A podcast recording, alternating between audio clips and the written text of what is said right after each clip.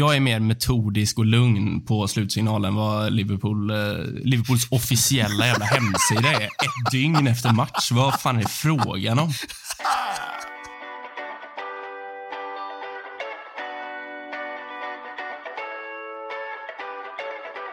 Can Manchester United score? They always score. Rooney! Oh, wonderful! It's Berbatov! Marcus Rashford! Oh, glorious! That is a special one! It's Beckham! It's a beauty!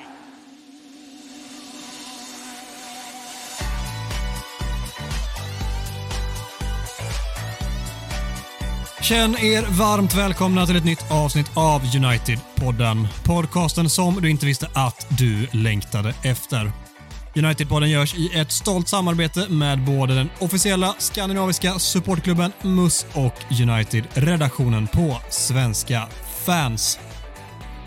Ja, hörni, jag vet inte ens hur vi ska börja det här avsnittet. Jag har eh, inte förberett det minsta och inte varit så jäkla sugen på att göra det heller om jag ska vara helt brutalt ärlig. Så vi ställer väl den vanliga frågan. Hur dåligt är läget Mackan?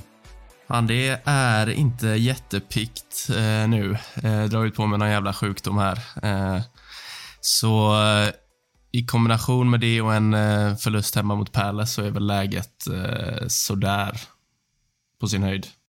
Jag eh, lyckades ju tillskansa mig att du varit i Norge över helgen. Är det så att du åkt på denguefebern? Ja, ja, man kan fan tro det. Alltså, jag mår som en påse skit. Så något, eh, något eh, skumt har jag dragit på med dig i Norge. Eh, men annars hade jag en fin helg med, med mycket golf, bra väder eh, och trevligt sällskap. Så det var ju synd att eh, sjukdomen skulle komma och förstöra det. Vilket är tråkigt. Och United också, såklart. Såklart, det var för tråkigt. En påse skit säger du. Vad säger Micke Martinsson? Nej, men det är alltid lite bättre, typ två, tre snäpp bättre än Marcus Eriksson. Det, jag behöver inte ens anstränga mig för det. Men eh, det är klart att eh, tar du bort eh, golfresor så, så är väl min helg någon slags liknande där den här Palace-matchen. Lägger lite sordi på det mesta, men eh, fan, vi måste bara trycka in det så kanske vi blir av med lyssnarna här. Men, men Blåvitt går ju bra i alla fall, eh, så de bevakade jag igår. Det, det var inte fel. Du bevakade dem från, eh, från eh, VIP-loungen på Tele2. eller? från VIP-loungen. Det, jag är ju precis som Kulle, motsvarigheten i England, där, så jag är ju VIP-lounge-tillträde på alla arenor i Sverige. då, så att säga. Ja. Hur är eh, liksom Degerfors på Stora Valla, deras VIP-lounge? Ja, den är fin. Sist hade de inte klippt gräset bara, men tältet var hyfsat tätt, så det regnade bara in på ena sidan. Ja. Ja, de kontrasterna får fan men inte Kulle bort i England. Nej, men skämt åsido, alltså, du snackar att jag sitter i någon VIP-lounge. Det gör jag ju såklart inte, men eh, du däremot Adam, med ditt akkrediterings eh, tunga halsband. Du kommer väl in exakt var som helst. Liksom. På Musköbasen kan du komma in och rapportera grejer. Ja, det är bara att vifta med det kortet överallt. Hallå, presslägg, presslägg. Släpp in mig bara. Det är faktiskt eh, få förunnat. Jag har hört rykten om att eh, Mr X, Blåvitts nya nyförvärv, befinner sig på Musköbasen för att valideras. Eh, Det, det är ju inget otänkt scenario, otänkbart scenario att du skulle sitta där och lurpassa. Ja, jag kan ju varken bekräfta eller dementera det såklart förstår ni väl, men eh, jag säger att det låter spännande och som en väldigt intressant tanke. ja, du vittnade förut, vi snackade lite snabbt innan, eh, innan vi klickade på räck här om att du fått eh, lite, lite mothugg på läktaren igår när du satt på Tele2 Arena. Vad var det som försiggick där? Ja, men igen, en liten disclaimer för att eh, våra eventuella Stockholmslyssnare inte tycker det här är, är likt, men det, det är ju rätt kul ändå när man sitter på en ja, eh, säsongskorts borta läktare med mina bayern vänner eh, och så, eh, så börjar det liksom knackas på axeln och stämmas av med Göteborgaren, hur går det egentligen? Alltså, det, det sätter bra ut för de där, äh, vad heter de? Han Marcus Berg har väl lagt av liksom. Alltså, de har ju noll koll på en enda spelare. De vet liksom bara vad nummer 37 i Bayern heter. Så det var lite kul sen när Blåvitt väl kvitterade så fick jag vända mig om och fråga det. Kommer ni ihåg vad Mucholli hette nu? Så äh, det var kul. Men det är alltid kul att munhuggas lite. Ja, det ska man passa på att göra när man får chansen och särskilt när du inte kan göra det med några som helst rivaler till United för stunden. Nej, jag skulle väl haft med mig Mackan där om eh, det, det bästa sällskapet om någon tjafsar på. Vi sitter där någon gång på, fan vet jag, Lutons, eh, vad heter den här arenan nu igen? Kenilworth Road va? Så heter det. Och det sitter vi och så, och så börjar de eh, knacka på mig då, då pekar jag på Mackan bara, det, det här är min talesperson. Det hade känts så jävla tryggt om du var med mig då Mackan. Ja, jag är, jag är inte lika vass på munhugg på engelska som jag är på svenska, men eh, jag, hade, jag hade fått ge det ett försök i alla fall. Vad tror du att ditt första go-to-ord hade varit eh, på engelska, Mackan? Oj, shit. Förmodligen hade det börjat på F. Det är känslan i alla fall. Eh, ett, ett, eh, ett ord med fyra bokstäver som börjar på F. Det, det hade nog varit mitt go-to, tror jag. Jag, jag tror annars Mackan hade provat det här. Eh, förlåt nu Mackan för invitationen här, men eh, du pratar ju naturligtvis inte så, men du hade sagt så här. eh, Shut up or I eh, bring my electric eh, chainsaw in your face. Ja, jag är fan helt OK på engelska. Jag, jag, jag, är, inte, jag är inte som många 60-åriga gubbar den här Göteborgs-engelskan faktiskt. Det får jag, eh, det får jag ändå säga. Det är dock den allra finaste engelskan. Så är det. Typ Glenn Hysén och gänget, även om han har bott så pratar han ju verkligen exakt så. Glenn, Glenn Strömbergs italienska, det, det är jag på engelska. Är det. Ja, Italienska. Ja, alltså italienska om ni inte har hört det ute i stugorna så sök upp det. Det är banne med det bästa som finns. C'era un po' di giornalisti eh, un mese fa, ah, forse due mesi fa, prima di Natale, che eravamo in Inghilterra a commentare una partita svedese che scendevano, che erano ehm, tifosi di Gothenburg. E è la mia città dove sono nato eh.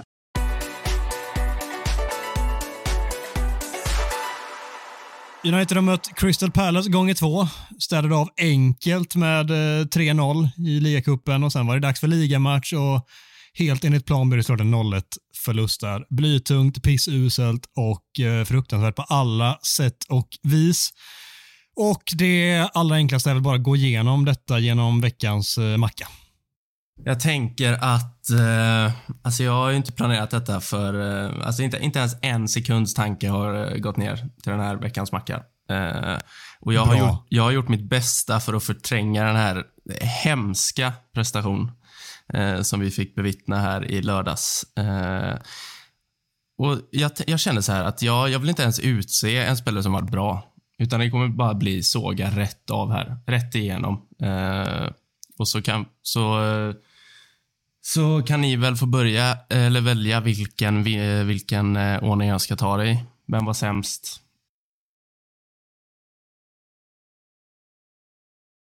Ja, den, den, den tredje sämsta spelaren helt enkelt.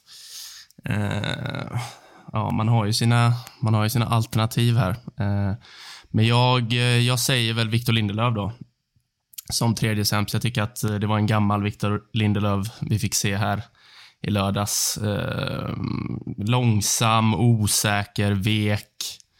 Eh, feg i passningsspelet, långsam. Alltså, så fort han fick bollen så gick det väldigt långsamt. Många touch och sen en pass i sidled eller bakåt. Eh, så nej, jag tycker han var tredje sämst. Det, jag, jag vill höra de andra, men det, det låter ju inte helt dumt att sätta honom där, för han var fan inte bra alls. Nej, nej det var han inte. Eh, näst sämst fortsätter falla tillbaka på Casemiro eh, på de här punkterna. Jag tycker att han... Eh, alltså det, det är så trött och eh, ganska tråkigt uttryck egentligen, men jag tycker fan han ser full ut när han springer runt där. Han springer runt och halkar och kommer snett in och helt plötsligt bara ligger han på marken. Jag, jag förstår inte riktigt vad det är som försiggår. Uh, han ska vara vår defensiva mittfältare, vårt ankare och som det ser ut nu så spelar han ju som att han vore vår striker. Eh, han är bättre offensivt än vad han är defensivt och kommer snett in i varenda duell och är dessutom slarvig i passningsspelet. Så nej, näst sämst Casemiro. Jätteförvånande också med tanke på hur pass bra han ändå var i ligacupmatchen i veckan där det kändes som att nu kanske han ändå har börjat varva upp med den insatsen han stod för där och så gjorde han mål, vilket som du säger, han är väl bra offensivt, märkligt nog, men defensivt har det inte funkat. Men i den matchen var han väldigt bra. Och sen så levererar han den här praktusla insatsen direkt efteråt. Det går bortom mitt förstånd. Ja, jag blir inte klok på det. Sen så här, ligacupmatchen, jag tycker att han har sina brister defensivt i den matchen också, men då väger han upp det genom att ha ett väldigt bra passningsspel och hitta rätt ytor hela tiden. Ehm, men nej, jag, såg ingenting av det i lördags, så det, jag blir inte klok på honom just nu. Vem får uh, bära hundhuvudet då? Ja, och det, alltså det är ju så jävla trist att säga det, men jag tycker fan Marcus Rashford har varit genomgående svag hela säsongen. Eh, kommer dessutom i bra ytor i första halvlek många gånger och eh, får inte ut någonting av det. Eh, sen har vi hans kroppsspråk på det och bristen på attityd just nu. Jag tycker att han får ju liksom Martial att se ut som Jisung Park just nu, vilket inte är en komplimang. Så jag, jag, tycker att han har varit genomgående svag och jag tycker detta var en av hans sämre prestationer. Eh, och när han dessutom får så pass mycket yta som han får i första halvlek och inte, och inte gör någonting utav det, eh, så är han sämst enligt mig. Jag tycker fan det var rätt av Tenago att byta ut honom i slutet när vi har ett mål. Mm, alltså jag håller inte med om att han varit genomgående svag hela säsongen, men jag håller med om att han var sämst på planen i den här matchen och med all rätt ska utses som den som ska höja sig allra, allra mest i eh, både United och av alla spelare på planen såklart. Nej, men jag, jag håller väl eh, delvis med. Rashford håller med om, tycker han, eh, han får ett par, tre smällar i den här matchen och lägger rätt mycket energi och tycker synd om sig själv. Det typ all energi på det? När du heter Marcus Rashford och är den största anfallsstjärnan i Manchester United, då får man stryk. Och jag tycker väl att jag tycker det har sett ut lite grann så, inte bara närkamper, utan när det, han får en motgång, eller ett par motgångar, för han börjar i stort sett alla matcher pikt. Eh, bra upp i press och, och ser liksom vass ut, ser liksom form, formtoppad ut. Det ser ut som att fysiken är med honom. Men så kommer det kanske antingen en, en, en utebliven passning, eller då ett par smällar, eller på något sätt en känsla av att han inte riktigt får till det, liksom misslyckas med någon aktion. Och han borrar ju ofta ner huvudet när han eh, har dåligt självförtroende och skygglappar på. Så jag tycker liksom genomgående, alltså alla matcher sett ut så mer eller mindre, att han är bra i 20 minuter och sen försvinner han eh, olika, i olika hastighet ur matcherna. Och Den här matchen var inget undantag. Så där är jag helt överens. Och det är tydligt att han är, är störd av eh, att han har så pass mycket press på sig att leverera och inte riktigt gör det just nu. Sen vill jag byta plats på Lindelöf och Casemiro, för jag tycker Lindelöf helt enig. Han såg ut som den här Huddersfield-matchen när han gjorde självmål eller vad det var. Hans absoluta bottennapp tror första säsongen kan det ha varit kanske i United. Men han, han ser så stressad ut. När han får bollen så är det precis som att det ser ut som att det är tre minuter kvar på matchen och han liksom måste forcera eh, en aktion. Det spelar ingen roll om det är en sidledspass till varann eller om det är att ta upp bollen en bit i plan eller om det är att fånga upp någon spelare på markering. Han ser så jävla stressad ut. och Iceman kallades han en gång i tiden. Det var länge sedan jag såg det, till och med på Uniteds sociala medier. Eh, det är han ju absolut inte just nu och jag tycker att han, han sprider en osäkerhet omkring sig. Eh, så jag håller inte med om att Casemiro är näst sämst. Jag skulle möjligtvis plocka honom som tredje sämst med 50 procent vunna dueller, typ rakt igenom. Det är hans siffror.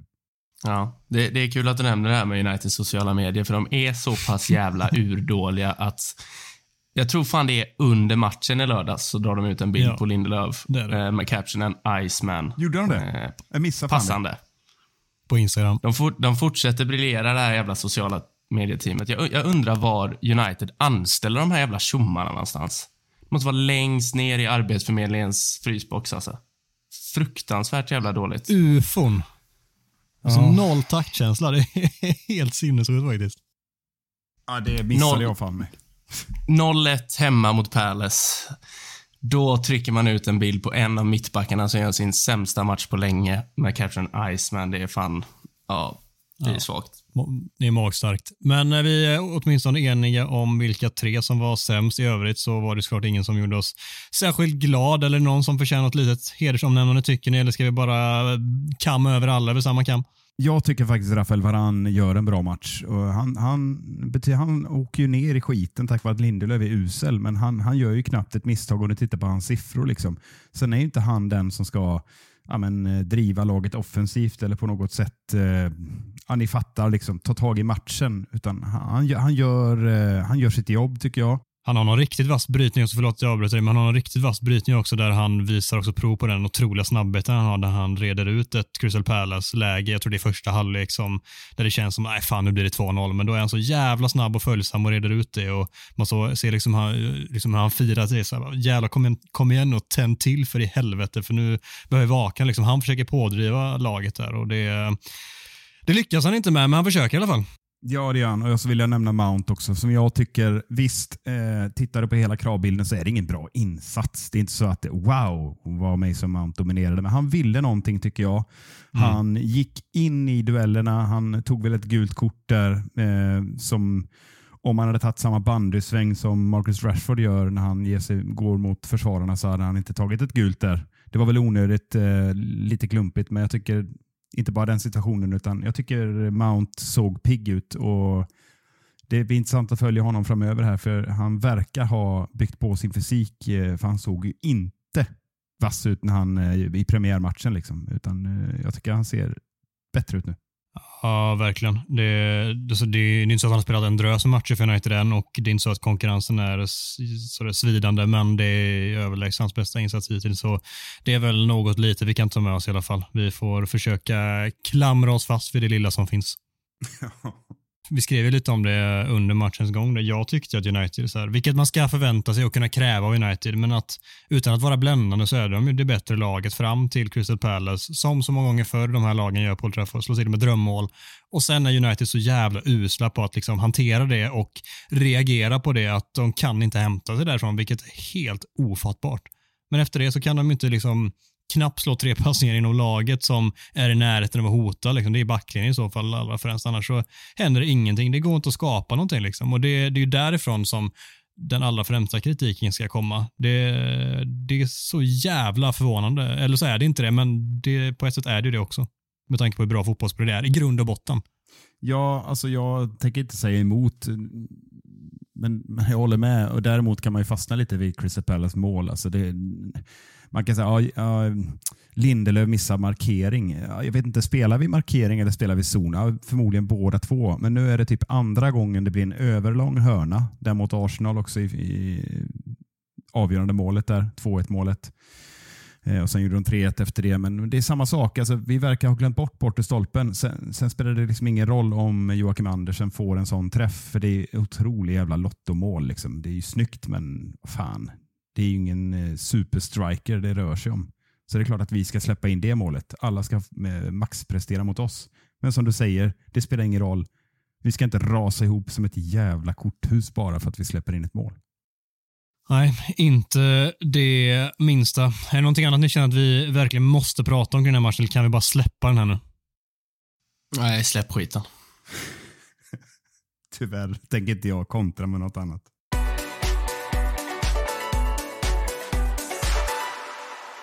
Succésegmentet Talk of the Town är tillbaka med tre stycken påståenden med aktuella ämnen som vi helt enkelt diskuterar huruvida det är sant eller inte.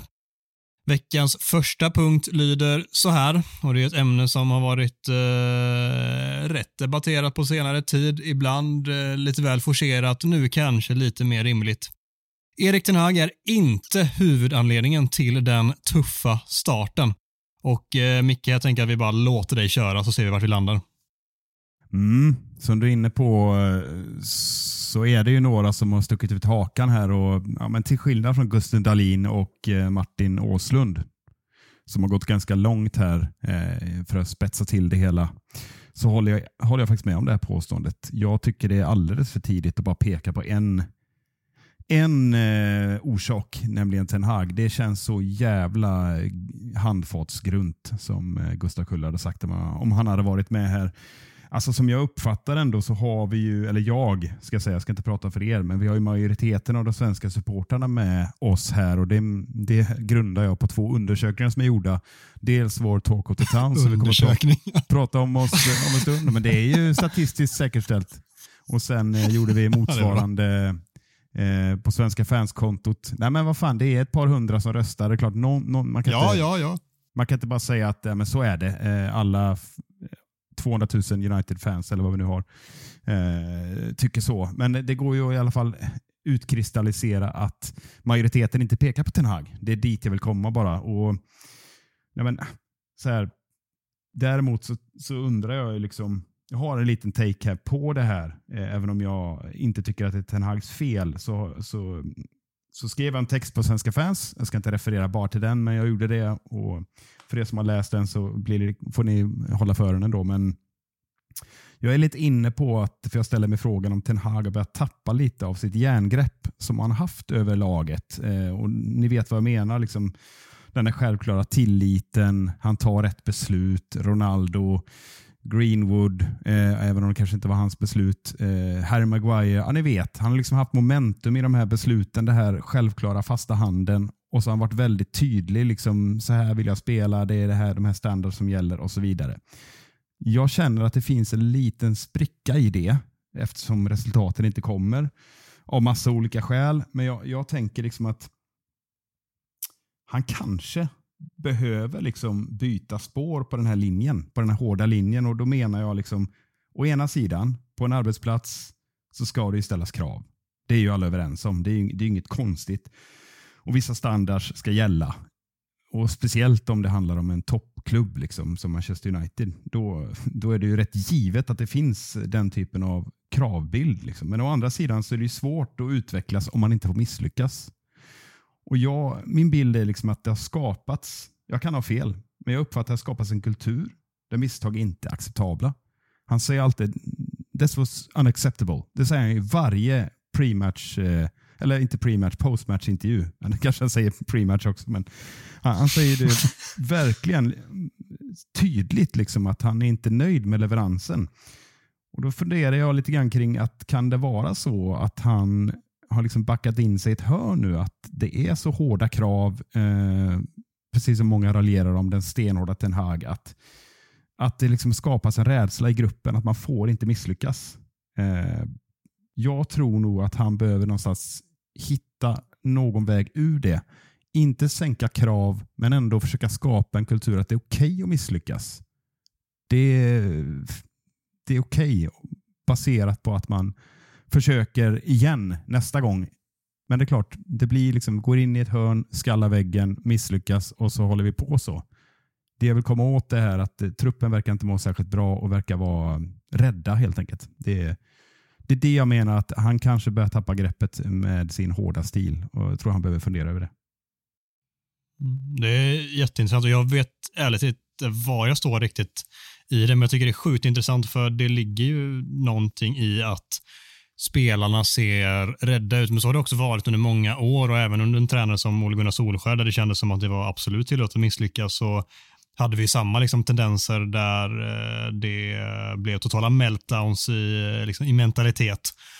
Och det funkar ju inte heller. Sen med det sagt så kanske det är för mycket åt andra hållet detta som det har gått till under Erik den här och att det kanske behöver lättas upp lite grann för att de hela tiden känner pressen, oron för att minsta lilla fel så blir man uthängd och inte, det tillåts liksom inte och du kanske får sitta bänk etc. etc.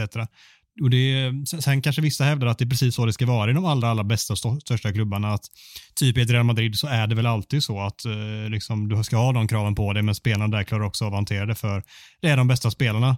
Men olika klubbar funkar på olika sätt, olika trupper har olika gruppdynamiker som funkar på olika sätt och kanske är detta United ett sådant där det behöver lättas upp lite. Det, det är en intressant tanke som jag inte har marinerat tillräckligt för att landa i något definitivt eh, en definitivt åsikt, men jag tycker det är eh, spännande att tänka.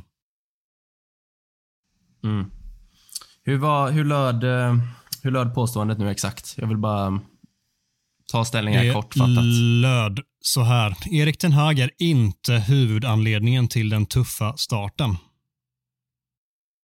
Nej, alltså jag tror vi har varit inne på det innan. Alltså, det är ju det är mycket skit runt United nu, både, både i styrelserum och ägarsituation och spelare som är skadade och spelare som inte vet hur man beter sig, varken eh, på träningsplan eller utanför plan eller eh, i hushållet. Så eh, det är klart att det är det är en mängd eh, saker som påverkar. Sen, sen tycker jag att många fans verkar ta den här approachen att ingenting är Ten Hags fel. Vi, vi ska stå bakom vår tränare blint och det fattar inte jag riktigt. För att från min synpunkt så har vi varit på en nedåtgående spiral eh, i olika grad sen ligacupfinalen. Jag kan inte komma ihåg jättemånga starka eller bra insatser vi har gjort sen dess. Eh, och jag börjar bli på allvar orolig över vad, vad det är Ten Hag vill åstadkomma. För jag, alltså bristen på spelidé, bristen på bristen på idéer offensivt och hur vi ser ut defensivt och allt allt därtill. Alltså jag, jag ser inte riktigt vad det är han vill åstadkomma. Eh, men jag håller, inte med, eller jag håller med om att han inte är huvudanledningen. Eh, sen tycker jag absolut att eh, han ska ifrågasättas och att han är en anledning till att jag har gått som det har gjort. Mm, ja, men det, det jag vill bara lägga till liksom att för den som sitter och funderar på att ja, men vi ska ha lite lösa boliner med Jadon Sancho, att uh, han, han har behandlats för hårt. Det menar jag inte när jag säger att uh, Ten Hag borde tweaka lite. Det är, själv, det är bra skött, liksom. det håller jag med om 100 procent. Sen är jag med dig också Mackan, liksom att, eh, det är klart jag är också orolig, men jag är inte så orolig att jag liksom, sparka honom och ta in en annan. Eh, så jag tycker det blir så jävla kortsiktigt, men, men Ten Hag absolut ska inte gå fri från kritik. Och det är därför jag menar han är lite hårdnackad och nästan lite vad ska man säga, nästan lite envis eh, känner jag. Så att mm, det blir, jag vet inte, han måste göra någonting. Någon nystart krävs. Om det är han som ska springa 1,3 mil eller vad fan det är som krävs för att eh, någonting behövs. För jag såg, jag vet att Crystal Palace hade någon slags halvt B-lag i ligacupmatchen, men då såg man ju glädje. Då såg man ju spel, alltså det var kul på plan. Alltså det var roligt. Det, jag vet inte vad som hände till matchen därpå.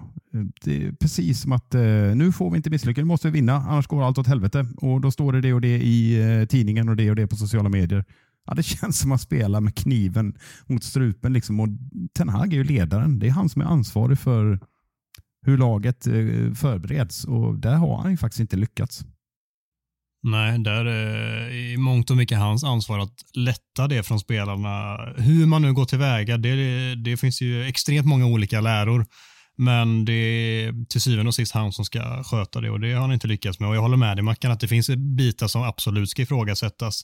Han har haft, haft det jävligt tufft med skadeproblematiken som fan eh, knappt liknar någonting vi sett innan. Liksom. Men med det sagt så ska vi fortfarande kunna, alltså med de spelarna som ändå spelar i matcherna så ska det fortfarande se väldigt mycket bättre ut och spelidén går absolut att ifrågasätta. Jag har ändå känt att jag kunnat vara ursäktande för den tidigare men nu på senare tid så eh, går jag mer och mer åt det hållet också och tycker att det är förvånansvärt att vi inte ser tydligare linjer i spelet nu. Jag tyckte att vi var på väg dit men det är som att de bara raderas ut och det, det förvånar mig jättemycket faktiskt. Med det sagt så, så här, jag vet att jag drog den parallellen för något avsnitt sedan när när det uppdagades liksom den här typen av kritik, framförallt på sociala medier och framförallt bland eh, liksom andra tyckare och andra supportrar än United-supportrar. Att så här, det, det, krävdes tre säsonger för att Etienne han fick snurr på det laget. Liksom. Och eh, Det var mängder folk som skrek att han skulle få sparken där och då. Och jag, tyckte, alltså jag gjorde mig lust över honom där och då också. Fattade liksom inte varför de investerade så mycket i honom. Men, och med det sagt, jag säger inte att Erik Ten kanske är det svaret heller, det vet vi inte, men liksom, så pass bra som det ändå har varit sett över hela hans tid så förtjänar han ju såklart väldigt mycket mer förtroende än vad vissa påstår att han borde ha i det här fallet. Så självklart ska han, ska han vara kvar, inget snack om saken för mig just nu och han är inte huvudanledningen. Men han behöver såklart göra väldigt mycket saker bättre.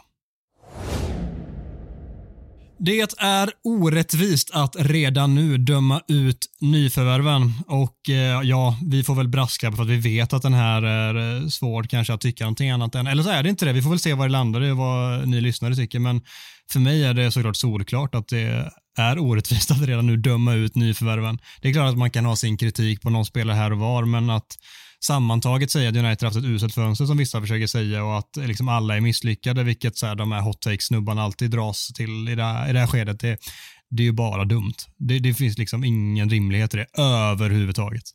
Ja, jag tänker liksom, jag håller med. Herregud, andas tänker jag på när jag hör den här. Ska vi dra lite snabbt? Onana har inte haft samma backlinje framför sig två halvlekar i rad. Det har han väl inte? Lindelöf inbytt. Maguire inbytt. Kalle Kola, Kalle Kula inbytt. Alltså det känns som att Johnny Evans går in i världens bästa back. Nej men alltså det är ju kaos. Amrabat, han har spelat vänsterback alla matcher. Ja, han är fjärdeval Hur, hur, alltså hur sjukt är det att så här, Malassia skadade sig försäsongen borta länge. Ah, ja, men vi har ändå Luke och Dalot kan ju fylla in där. Ja, är Luke skadar sig, Ah, ja, men då har vi Dalot så kan Wan-Bissaka spela till höger, det blir bra. Är då skadar sig Wan-Bissaka, Ah, ja, vi får väl värva in Regulon då. Tre mm. matcher senare. Ja, han skadar sig också. Ja, ja, då får väl Dalot spela som enda ytterbacken vi har kvar i truppen och så får vår defensiva mittfältare som aldrig har spelat ytterback innan, ja, han får väl spela där. Det, alltså hur sjukt är det? Ja, Alltså man måste det, det, bara stanna där. Amrabat, herregud, låt honom spela lite. Jag tror kanske inte så många som har sågat honom hittills, men Mason Mount han har spelat minuter snarare än matcher.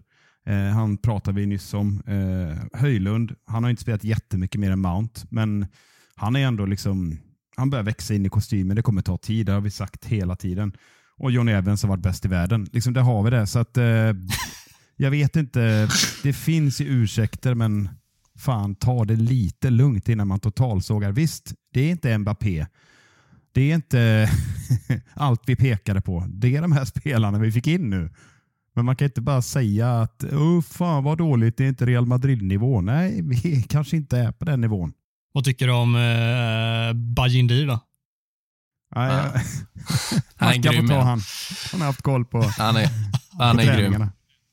Nej, men det är en sån jävla skitvärmning jag absolut inte förstår. Alltså. Var, varför, varför sålde vi Matej Kovar och plockade in en jävla snubbe från Fenerbahce när vi hade en yngre målvakt i de egna leden som dessutom är egenfostrad och som säkert hade fått en del spel. Jag, jag förstår inte. Men eh, om, vi, om vi ska gå tillbaka till till värvningssommaren överlag. Alltså jag har ju varit väldigt kritisk till den och jag, jag står fast vid det. och det, det beror inte bara på spelarna som har kommit in. Det är att jag inte riktigt förstår strategin. Eh, det känns väldigt ihophafsat. Liksom. Eh, Mount har många varit tveksamma till och därav jag. Sen tycker jag att Mount är en bra fotbollsspelare men eh, inte riktigt det vi saknat eller behövde. Eh, Höjlund köper jag till 100% och Nana lika så.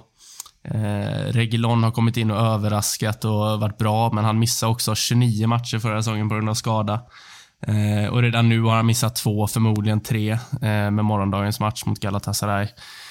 Eh, så, alltså, det känns som att vi inte har fyllt igen de hålen vi har, vi har saknat. Sen att, eh, sen att döma ut eh, spelarna som har kommit in, det är ju såklart alldeles för tidigt. Men jag, jag tycker att kritiken mot mot värvning som man är befogad, för jag tycker inte det är tillräckligt bra.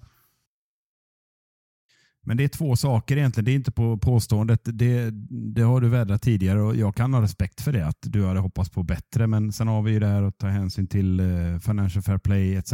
Och därav de här paniklånen och Region eh, kommer ju liksom bara, Regulon kommer bara in på grund av det Adam redogjorde för. Så att, men tittar man på de här spelarna, liksom, eh, rätt nyförvärv eller ej, det är de vi har nu. Det, alltså, utvärderar deras insatser, det tycker man är snett på det om man sågar det. Det är inte det vi tar ställning till här, men jag håller med dig om Mackan att det är klart fan att jag hade velat se något annat också. Det, alltså, absolut, jag, jag håller med om på alltså, det. Det är klart att det är alldeles för skevt att börja såga spelarna som kommit in nu. Det har gått 6-7 matcher. Uh, det, det jag tror att många, många supportrar vänder sig till och blir negativa och det, det är just att det inte var det här vi hade hoppats på. Eh, sen alla, alla är bra spelare på sitt sätt, men eh, det känns som att många av dem det känns som en del av dem inte, inte, inte riktigt fyller den funktion vi hade hoppats få inför den här säsongen. Och då, då, blir, då blir det lätt att vända sig mot spelarna, vilket jag också tycker är fel. Men jag, jag, kan, förstå, jag kan förstå det på ett sätt också. Alltså, de flesta hade ju förväntat sig, eller åtminstone hoppats på att United skulle ta nästa kliv nu och kanske vara en titelutmanare vid det här skedet. Och så är det alltså det här vi får. Liksom den sämsta starten på värde 30 år. Det, ehm, det, alltså då, då, klart, jag fattar att folk letar fel då, det gör jag också. Men eh, man får ju också vara lite försiktig med vad man lägger felen sen i slutändan. Jag fattar att man börjar titta på nyförvärven, men liksom med ens eh, en procent rim och reson där så hittar man ju liksom förnuftet för att förstå att det är klart att det inte är eh, läge att döma ut nyförvärven i detta nu. Nej, såklart. Och jag, så, jag såg faktiskt, jag läste nu efter matchen att Amrabat fick en del kritik. Alltså vad förväntar man sig av honom? Han, liksom, han, eh, han kommer skadad och gör, gör debut eh, tre minuter mot Burnley som vänsterback. Eh, kommer in i ligacupen som vänsterback mot Palace och är en av våra bättre spelare och sen gör han en lite svagare insats på lördagen. Liksom. Det är fel gubbe att vända sig mot. Eh, det är samma Rasmus Höjlund som faktiskt har varit en av få ljuspunkter. Så äh, det, det blir skevt att, att vända sig till nyförvärven för det, det är inte rättvist på något sätt. Liksom. Vi har kvar veckans Town Hall där vi givetvis i vanlig ordning ska redogöra för förra veckans Town Hall. Vad har vi att eh, kika på där, Micke? Nej, vill du dra procentfördelningen eller, eller ska, vi, eller ska jag få chansen? Du får chansen. Nej, men på, på påståendet eh, Erik Ten Hags försök att implementera en ny spelmodell, eh, det, att det kommer att kosta honom jobbet. Eh, menade vi på eller ställde på sin spets och, och då svarade bara 11 procent att eh, ja, så kommer det bli. Medan 89 procent eh, hold your horses. Så det, det strök väl eh, de kommentarerna som in, eh, kom in på, strök väl under det. Eh, Jonas Blomqvist ja, alltså Jag måste bara säga det, jag, du ska få, förlåt men vi måste bara säga det, det är för dåligt påstående av oss. Det får vi bara ta på oss. Det, det är för ospetsigt. Ja, vi, vi får ta på oss det och lite bakgrund kommer här. Eh, nej men Jonas Blomqvist skriver ju direkt så här. Fan, vill ni få Ten Hag sparkad? Frågetecken. Andra frågan i rad. Ge han tid? Utropstecken. Och då, eh, då eh, går jag in och svarar här för vårt konto. Vi, vi, testar opinionen eftersom media bestämt sig för att allt är katastrof. Och det är det jag menar lite grann att Gusten och, och Åslund som eh, är väldigt inne på det här att det är så man hanterar alla motgångar i toppklubbar. Sparka tränaren så är det klart. Så, så det är väl egentligen av den anledningen vi ställde den här frågan. Jag håller med. Det var inget bra. Det var den sämsta townhallen hittills. Ja, tillbaka till eh, ritbordet då. Ska vi köra veckan så och se om den får eh, någorlunda bättre betyg? Får jag, bara, får jag bara flika in här? Jag kommer ihåg ett roligt påstående vi hade säsong ett. Eh, när vi... Eh, jag, jag, tror vi satt i WhatsApp-gruppen och hade svårt att komma på en sista. Och så eh, flikar Micke in. Eh, United har United har bäst frisparksbredd i ligan. den, den, den är ju sämre än, äh, än förra veckans Town Hall. Men... Äh, ja, det, var, det var en talk of the town-punkt. Det var ingen Town Hall, men jag håller med. Hade det varit en Town Hall så hade den varit den absolut sämsta. Ja, det, det är jag inte stolt över det ögonblicket, men eh, roligt har ni haft åt det i alla fall. Ja, det var kul. Bäst frisparksbredd. Ja. Det roliga är att jag var inte med i avsnittet heller, så att ni ägnade typ två minuter åt totalsåga påståendet innan ni gick vidare. Försökte ändå. Ja, vi har ju, vi har ju han också. Ja, jag tror vi hittade Mata på bänken och tänkte att han är fan bra frispark. Och så, och så insåg vi att det var ett skitbra påstående såklart. Ja, starkt. Ja, Ja, mycket starkt. Eh, veckans den lyder så här. Fokusera på spelidén i ligan och sätt ett tydligare resultatfokus på kupperna. Och Då kanske många tänker att den är jättelik förra veckans, men det är det ju inte, eller hur Micke? Nej, det är inte det. För jag, jag, jag tänker så här att eh, lite grann det vi har pratat om, lite grann eh, Ten Hags eh, sätt att måla in sitt hörn, att han ska envist, liksom, han, ska, han ska spela sin fotboll med det här laget. Han kommer inte ge sig. Och Vi har liksom ifrågasatt det fram och tillbaka och sådär. Eh, där är vi nu. Eh, vi vet väl inte exakt var han är på den här resan mot sitt mål med, med laget. Jag säger som Mackan, jag förstår inte riktigt vad han håller på med. Men eh, det här, det här liksom, påståendet då. Jag säger inte att man ska vaska ligan. Det är inte det jag, jag säger för att jag håller faktiskt med om det kan jag avslöja. Jag tycker man borde, jag var touchade lite, man borde hitta någon slags glädje. Det ska inte vara kul att spela toppfotboll. Det är inte det jag menar bara. Man måste hitta någon annan eh, gruppdynamik för att gå vidare från det vi är idag. I alla fall, det är jag övertygad om.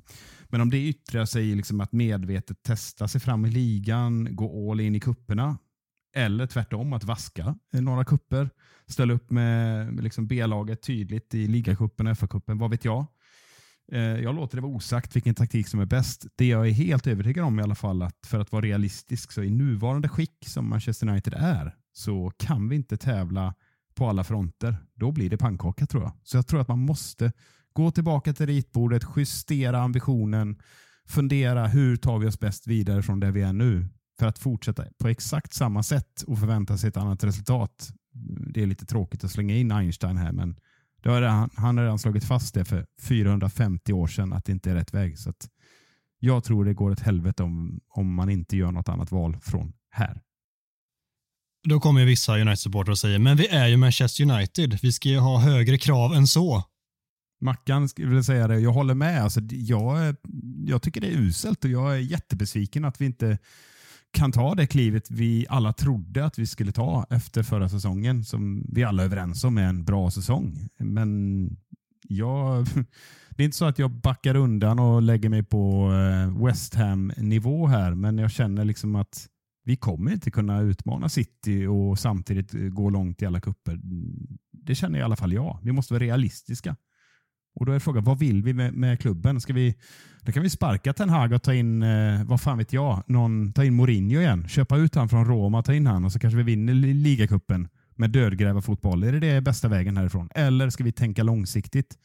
Att eh, det får fan ta sin tid. Det får bli ett par Arteta-säsonger. Inte 37 i rad, utan kanske två. Vi kanske får helt enkelt se den här säsongen som läropeng. Jag vet inte. Det är så jag tänker. Vad säger Mackan? Ja, jag vet, jag vet inte. Alltså jag, jag har fortsatt väldigt svårt gällande spel. Jag, jag har svårt att se vad fan det är Ten Hag vill uppnå. Va, vad ska vi bli för lag? Alltså jag tycker att vi har haft samma problem i jävligt många år och det känns så tröttsamt att följa efter vad alla experter säger att United har svårt att bryta ner lågstående försvar och vi har svårt att komma till målchanser. Men alltså så är det ju. Jag, jag, jag, vi, vi fastnar där varje jävla år. Säsong efter säsong efter säsong. Förra säsongen såg vi flertalet matcher, framförallt tidig vår, där vi, där vi faktiskt spelade snabb, flytande anfallsfotboll och kom till mycket chanser och gjorde en del mål. Men jag, alltså, om, man, om man jämför Manchester United med med Arsenal, med Tottenham i år, med eh, City såklart, med Brighton, med till och med Aston Villa som trycker in sex pytsar mot Brighton. Eh, så, så kommer de till otroligt mycket chanser och man ser något typ av mönster i, i, i offensiven som jag faktiskt inte ser i United. Vi, vi har fruktansvärt svårt att komma till målchanser och göra mål. Vi, vad har vi gjort? Sju mål hittills. Alltså lika, nästan lika många mål som Aston Villa gjorde på en match i lördags. Eh, och det säger väl inte allting, men alltså, jag tycker ändå det säger mycket. Vad, vad ska vi bli för fotbollslag? Är vi ett omställningslag, som det ser ut som i många matcher, eller vill vi bli ett vi spela som ett topplag med ambitioner om att utmana de största titlarna så måste vi ju ta, jag vet inte hur många steg. Eh, så jag, jag vet inte fan hur jag ska ställa mig till påståendet. Jag är tveksam till det mesta just nu. Men är det inte då som det är rätt läge att fokusera på spelidén för att just bli, alltså klara av det som, som du säger och vi nog alla delar? Att kunna liksom föra matcher och vara bättre med bollen, skapa målchanser för fan. Det är liksom, vi gör inte ens Absolut, det. absolut. Men som jag ser detta Manchester United är ett kupplag. Det är inget ligalag.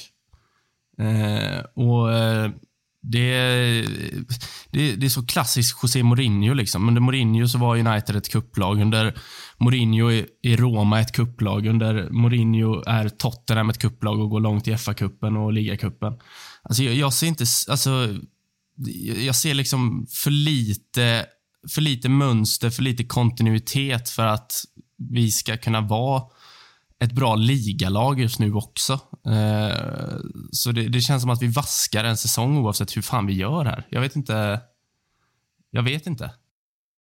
Det är det jag menar lite Mackan. Så ska, vi, ska vi fortsätta exakt som vi gör nu och inte let, famla efter en identitet och stå och säga att allt är oacceptabelt istället för att säga nej, fan, Ten Hag säger nej, vi ska, vi ska fokusera på... Det är klart vi strävar efter att vinna alla matcher. Det är det enda han säger. Han vägrar ge något annat svar. Men kanske säga internt i alla fall till gruppen att eh, nu eh, är vi i den här situationen.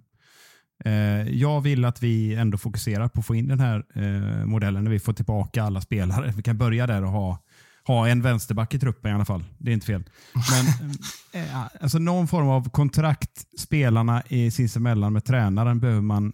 Alltså det är det jag menar med lite nystart om man inte säger det utåt, fine. Men fortsätta som man gör nu med bara liksom envist, vi ska vinna alla matcher och, och samtidigt ser alla att det inte fungerar. Det är ohållbart. Det är det jag menar.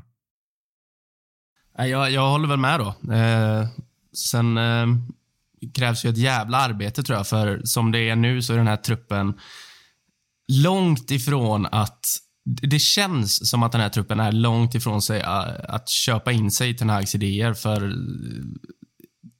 ja, det, det, går mycket åt fel håll just nu och det är såklart att det inte bara är Tenags fel, men det är ändå han som ska sätta grunderna och spelarna ska följa hans principer. Eh, och det ser inte ut som att han gör det just nu. Så ja, back to basics och eh, ja, fortsätt bara att nöta. Det finns väl inte mycket annat. Eh, sen om det kommer fungera eller inte vet jag inte, men eh, det är väl, eh, det, är väl det lämpliga steget kanske. Mm. Nej, vi har ju inte en aning om det kommer funka, men jag, jag är inne på ja, men det spåret som ni båda landade i slutändan. Att, alltså, helt ärligt, jag kan inte se detta United ro på något av de lagen som ligger topp fyra just nu över, eh, över 38 omgångar. Jag, jag, kan inte se det hända och då är det väl lika bra att fokusera, se det här året som ett sånt, eh, alltså i ligan som ett år där vi eh, utvecklar spelet, där det spelet som i alla fall någorlunda åt det hållet, det som Ten Hag eh, applicerade i det så otroligt framgångsrika Ajax-laget som inte det här United blivit i närheten av än så länge i alla fall. Det, där såg vi att han kunde bygga ett sånt lag. Så fokusera på, oavsett var han vill liksom, liksom ta det här United, jag hoppas ju att det är mer åt det hållet i alla fall, så fokusera lite på det i ligan då. Släpp lite ambitionen i ligan. Det känns så jävla trist att säga det redan efter sju omgångar. Men det är där vi är just nu. Och helt plötsligt så kanske det visar sig att jävlar, det sitter väldigt mycket snabbare än vi trodde. Vi får upp ångan. Helt plötsligt närmar vi oss något lag, får kris, vem fan vet? Då kanske man kan ändra på det liksom. Men just nu, sänk liksom kraven lite på ligan. Och eh, i kupperna så får väl liksom, ja, jag vet inte, jag kan inte ens gå långt i Champions League heller liksom som det ser ut just nu, men man får väl liksom foka lite mer på att ta en titel då den här säsongen, vilket ändå så här, fan det är klart United ska ta en titel. Varje säsong ska det vara liksom minimum egentligen. Så är det, men Champions, ja, jag bara säger det, Champions League är liksom, i och med att eh, potterna är så fördelade så är det är inte katastrof att komma tvåa. Eh, behöver inte vara det i alla fall. Så att jag menar, det finns ju möjligheter fortfarande. Det är långt kvar av säsongen. Det finns ju möjlighet att United kan eh, få en framgång av den här skitsäsongen. Det, det, tror jag. Jag vill bara säga en sak till om jämförelsen. Liksom. Och, kolla på Postecoglou. Han kommer in och och sätter allt direkt. Det är så jävla bra allting. Underbart. Ja, alltså de, jämför Tottenham med United. Snacka om skillnad i förväntningar. Vad fan hade Tottenham för förväntningar på sig? De bara svor åt den här tränaren för att han inte kom från de brittiska öarna eller Italien eller Spanien och då, då fanns inte han på någons karta. Jag säger inte att jag hade koll på honom, men man kan väl vänta och se vad han levererar. Eh, och Det är inte säkert att Tottenham kommer fortsätta på den här nivån. Men det går inte att jämföra United och Tottenham. För United hade förväntan att gå upp ett snäpp. Det är tvåa minst som gäller. Liksom. Det finns inget annat krav. Men Tottenham hade inga krav. Och Det är bara att gratulera att de har fått en fullträff med sin tränare. Kanske att Harry Kane var det bästa som hände, att han försvann. Så kunde alla andra eh, visa alla fick hugga i. Liksom. Det går inte att lita på en spelare. Får jag bara säga en sak innan vi avslutar? Alltså det med det med Tottenham eh, den här säsongen, det är väl det som är så fint med supporterskap och fotboll. För de klev verkligen in med inga förväntningar och de tappar sin absolut bästa spelare. Och sen, sen inleder de säsongen starkt och spelar underhållande fotboll. Får några med, studsar med sig, vinner mot United hemma, kryssar mot Arsenal borta, vinner i 96 minuten mot Liverpool och det börjar byggas upp lite hopp. Och det, det, jag har, det jag har svårt med i mitt supporterskap det är att dels dämpa mina egna förväntningar som byggdes upp under tonåren av Sir Alex Ferguson och ett lag som eh, aldrig gav sig och eh, vann titlar, titlar efter titlar och var bland de bästa i Europa hela tiden oavsett material på spelartrupp. Så visste man vad man fick av Manchester United. Eh, och nu känner jag att vi är i en sån där period, eller jag är i en sån där period att jag tycker typ det är jobbigt att kolla på matcherna. Eh, att det blir liksom en, det blir påfrestande för jag känner att det påverkar mig så pass mycket att jag Ja, men vi, vi tar denna helgen som exempel. Jag är i Norge på, eh, på en golfhelg liksom och det är 20 grader och sol och det är en fin golfbana. Jag har en superhärlig dag. Och så blir klockan halv fem och så gör Palace 1-0 mot United och direkt går bara mitt humör ner och jag känner, vad håller jag på med? Varför är det så här? Eh, och Det har ju dels beroende på att det ser dåligt ut på planen, såklart. Men det är också all kaos runt omkring klubben eh, som tar ner det. Eh, och jag som supporter, jag vill, jag vill, att det ska vara kul. Alltså jag, vill, jag vill längta till en United-match. Nu spelar United Champions League imorgon och jag ser inte fram emot den matchen någonting. Eh, förlora kan man alltid göra. Det, det, får man gå med på som supporter, men jag vill att det ska vara kul att se mitt lag. Spelar vi bra fotboll så är det såklart lätt att kolla oavsett, oavsett resultat. Sen styr resultaten såklart. Eh, jag, jag, tror att jag hade haft mycket lättare att acceptera en svag säsongstart om jag faktiskt hade sett vad det är vi vill implementera. Och det gör jag inte just nu. Ehm, så en back to basics, kötta på träningsanläggningen och göra framsteg sakta men säkert är absolut rätt väg att gå, men det är också svårt för Ten Hag med kravet att vi måste vinna. Så det, han sitter liksom i en rävsax. Jag vet inte riktigt hur, eh, hur han ska komma ut ur det här. Och Om han är rätt man, det vet jag inte heller. Men samtidigt så får vi väl ge honom tiden han ändå har förtjänat efter förra säsongen. Men det är mycket att göra alltså. Mm, jag tycker du säger det bra där Mackan, när du målar upp din lördag. Jag tror väldigt många United-supportrar kan identifiera sig med det och jag också. Nu eh, hade inte jag något annat för mig just den här lördagen och det, det, det blev en, eh, då blir United ännu större eh, tyvärr. Om, om man inte har något annat kul att se framåt som man bara kan skita i och liksom släppa det snabbt. Men jag tror precis det du säger nu, det tror jag tyvärr att spelarna också känner. Det är det jag är inne på. Jag tror att man tycker inte det är kul. Det är bara en klump i magen och då kan man inte prestera. Så att, ja, jag har sett det för tjugonde gången. Det, det gäller att ladda om på något sätt nu för, för oss alla.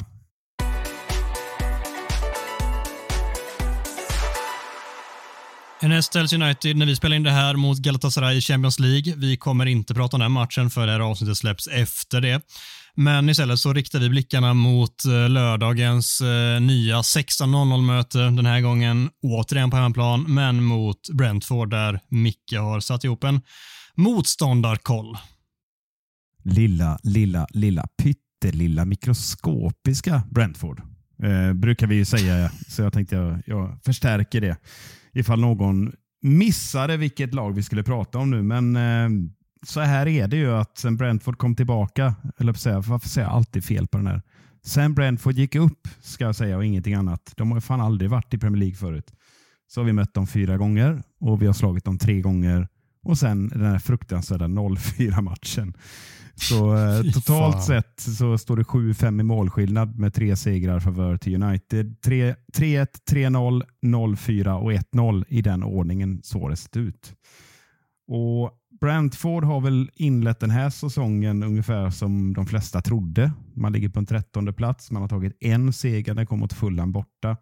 Fyra oavgjorda och två förluster. Målskillnaden 10-10. De har alltså gjort tre mål fler än oss fast de saknar sitt överlägset vassaste anfallsvapen Ivan Tony som är avstängd till eh, efter jul. Så eh, tittar du på det här Brentford då, så spelar man antingen 4-3-3 om man oftast på hemmaplan mot ett lite sämre lag med eh, 67 danskar på mittfältet. Eller så ställer man upp med 3-5-2 mot lite bättre lag. Eh, helt enkelt safea med en fembackslinje brukar det bli. Och i nyss Eh, i avsaknad, avsaknad av nyss nämnde Tony så är ju det toppduon där Mboemo och eh, Vissa, tror jag att han uttalas, som är liksom hotet. Deras idé är egentligen att sätta dem i spel helst så fort som möjligt och sen flytta upp eh, mittfältet och fånga upp andra bollar eller så snabbt som möjligt gå på avslut. Och det offensiva hotet på mittfältet är en av danskarna. Det är väl han Mattias Jensen som har en ganska fin fot. Eh, men eh, han är ganska bra också på att ta sig in i andra vågslöpningar. Det är väl liksom en, en, en helt okej okay Premier League-mittfältare de har där bakom de andra som fungerar lite mer som sköldar. Liksom. Så I övrigt inte särskilt konstiga styrkor de har. De är tunga på fasta. De, de eh, har en, en spelidé som handlar om att såra de andra lagen snabbt. Så det, det är det vi behöver se upp med helt enkelt. Vi vill inte ha en Boemo eh, bakom Lindelöf. Liksom. Det, det är inte kul. Så undviker vi det så är det ju förvisserligen då ännu ett lag som vi bara måste slå och det känns ju så där i magen just nu. Ja, upplagt för ett nytt praktfiasko.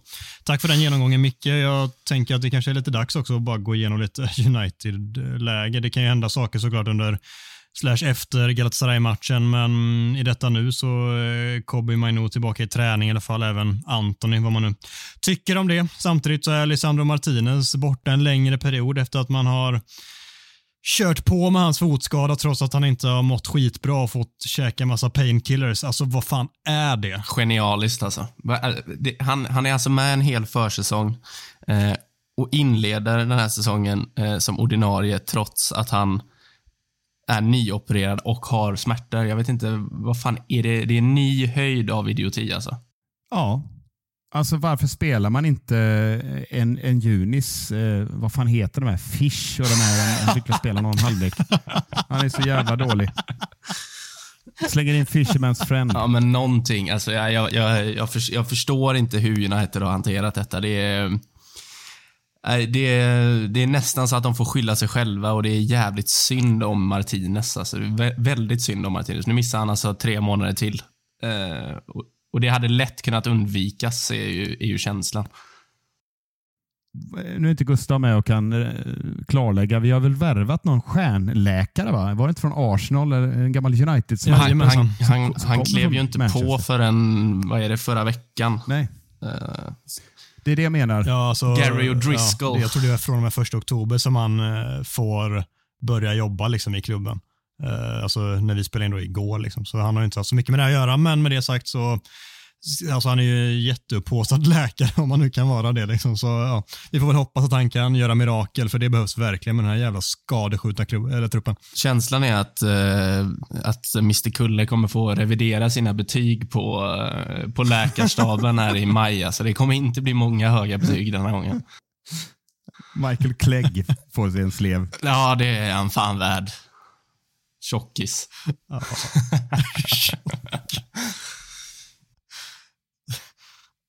Ett ovärdigt tjockishån slänger in där. Ja, ska han ha. Men han är väl fan fystränare? Han är väl inte läkare i och för sig? Så han kanske Nej, jag inte... menar det. Han är ändå ansvarig Nej. för någonting. Ja, jag tar tillbaka tjockis då. Det är, inte, det är inte så mycket hans fel, men lite säkert. Alltså antagligen, för spelarna ser också trött ut på planen, så det finns säkert någonting att, att lägga på hans, hans bord också. Skitsamma. Är det något annat vi har missat kring truppen här? Nej, alltså eh, Regions, eh, Regilon eh, var jobbigt att säga det namnet två gånger. Men eh, först var det snack att han var sjuk, men jag såg att han tog sig för baksida lår. Det var väl 29 gången han gjorde det på tre år. Men eh, så jag, vad är statusen där? Alltså, vi har ju fortfarande ingen vänsterback är väl känslan. Det staten var att han blev borta en tid. Hur lång det är, ingen aning, men det snackades väl om efter landslagsuppehållet senast tror jag. Så det är alltså efter Brentford-matchen då som eh, det är landslagsuppehåll och eh, förhoppningsvis är han tillbaka efter det om eh, allt går enligt planen. Det hade vi ju mått bra av att ha en vänsterback redo. Kan vi väl bara flika in här med att Mainu är tillbaka i träning är ju jättetrevligt såklart. Eh, väldigt välkommet. Sen eh, som vi har sagt innan, supportrarna måste sluta hypa upp honom som en jävla savior av Uniteds mittfält. För det, det, är han inte än och det kommer han inte vara när han är tillbaka. Så då kan vi släppa den vinkeln redan nu. Mm. Bra sagt Mackan. Vi avslutar med lite eh, tips här. Jag kommer, tror jag, typ första gången i poddens historia inte tippa Uniteds seger. Jag, jag byter approach här. Det blir 0-1 eh, igen. Fy fan vad mörkt. Nej, fan vi vinner den här jävla skitmatchen med 3-0. Det fan, Scott McTominay hoppar in och gör två mål på tre minuter. Så blir det bara. Ja, det kommer inte Så blir det hända. bara. Mackan? Uh, jag säger 1-1. Uh, Fall framåt. Mm. Så blir det. Ja, jag, tänk, beskedet. jag tänker att vi får ha en etta, en kryss och en tvåa. Så helgarderar vi oss. Det är bra. ja. Skitbra. Vi avslutar med eh, några få lyssnarfrågor innan vi klappar igen. Ja, vi fick en jävla många här såg jag, men vi hinner inte köra allihop. Vi kör ett par i alla fall. Mackan, du får den första från Aron Forsberg. Dags att ta tillbaka Ole. Ge honom ett livstidskontrakt direkt bara. Nej. Nej. Nej, jag gör inte det. Gör inte det. Här kommer fråga mycket som det finns möjlighet att eh, bre ut sig på, men du får hålla dig kort. Kanske inte lika kort som Mackan, men kort. Johan Melin skriver så här. Varför var bolltempot så mycket högre i onsdags jämfört med i lördags? Det är ett av vårt största problem enligt mig, att vi flyttar bollen för långsamt. Vad beror det på? Jag skulle säga den korta analysen är att Crystal Palace ställde upp med ett helt annat lag och jag noterar att de hade ett hel, en helt annan press på bollhållaren och en koordinerad press, för det hade de inte. Det Crystal Palace var inte bra i ligacupmatchen. Och, och Skillnaden var då också var ju att United fick övertag när Amrabat kom upp på mitten och kunde liksom, vi, kunde, vi kunde ta, vi tog varenda andra boll, vi vann, samlade upp alla lösa bollar. Det gjorde vi inte i lördags och jag skulle säga att Crystal Palace gör en mycket bättre match, men framför allt så kan inte vi hantera när det andra laget eh, liksom stänger ner oss på, på det sättet. Det vill säga att vi, vi kan inte återerövra och, och överraskningsmomentet försvinner utan vi hamnar med åtta man eh, som en mur framför oss. Då, då är inte United bra. Det är min korta analys, svar på det. Vi kör en sista från Anton Jakobsson som vill att vi ska prata mjukglass, eh, pannbenet Rashford. Det har vi gjort. Han vill att vi ska prata läkarteamets eh, existens, om det nu finns. Det har vi också gjort. Men han vill också att vi ska utbilda Micke till engelska domare så vi får någon kontinuitet. Engelsk domarbas, Micke Martinsson. Det hade varit något. Alltså jag, jag är ju typ den som är snällast mot domarna här i podden, så jag vet inte vad han... Antingen så har han missbedömt mig eller mina förmågor, eller jag vet inte vad han menar riktigt. Ja, jag tycker vi slår fast att du får bli domarbas, för du hade inte gjort det sämre än någon sitter där nu i alla fall. Nej, alltså det bär mig emot, men hade jag varit Liverpool-supporter just nu så hade jag varit jävligt arg. Det kan jag bara säga. Mm. Det, vi har märkt att de är arga också. Men det är har lite inte kul. undgått någon tror jag. Som Mackan brukar säga. Det är är, lite kul. Lite kul. Kan vi bara avsluta med det? Alltså, det, här framstår ju som att Liverpool är det enda laget i världen någonsin som har åkt på en domarmiss. Alltså, vad fan är det frågan om? Släpper något jävla statement om att de ska utvärdera olika alternativ till hur de kan gå vidare. Alltså vill de att matchen ska spelas om för att någon jävla tjomme har gjort fel? Alltså varenda lag i historien har väl förlorat en match på grund av domarmisstag. Ärligt talat. Det är helt sjukt är det. Ja, det är svullhuvud som man brukar säga på eh, västkusten.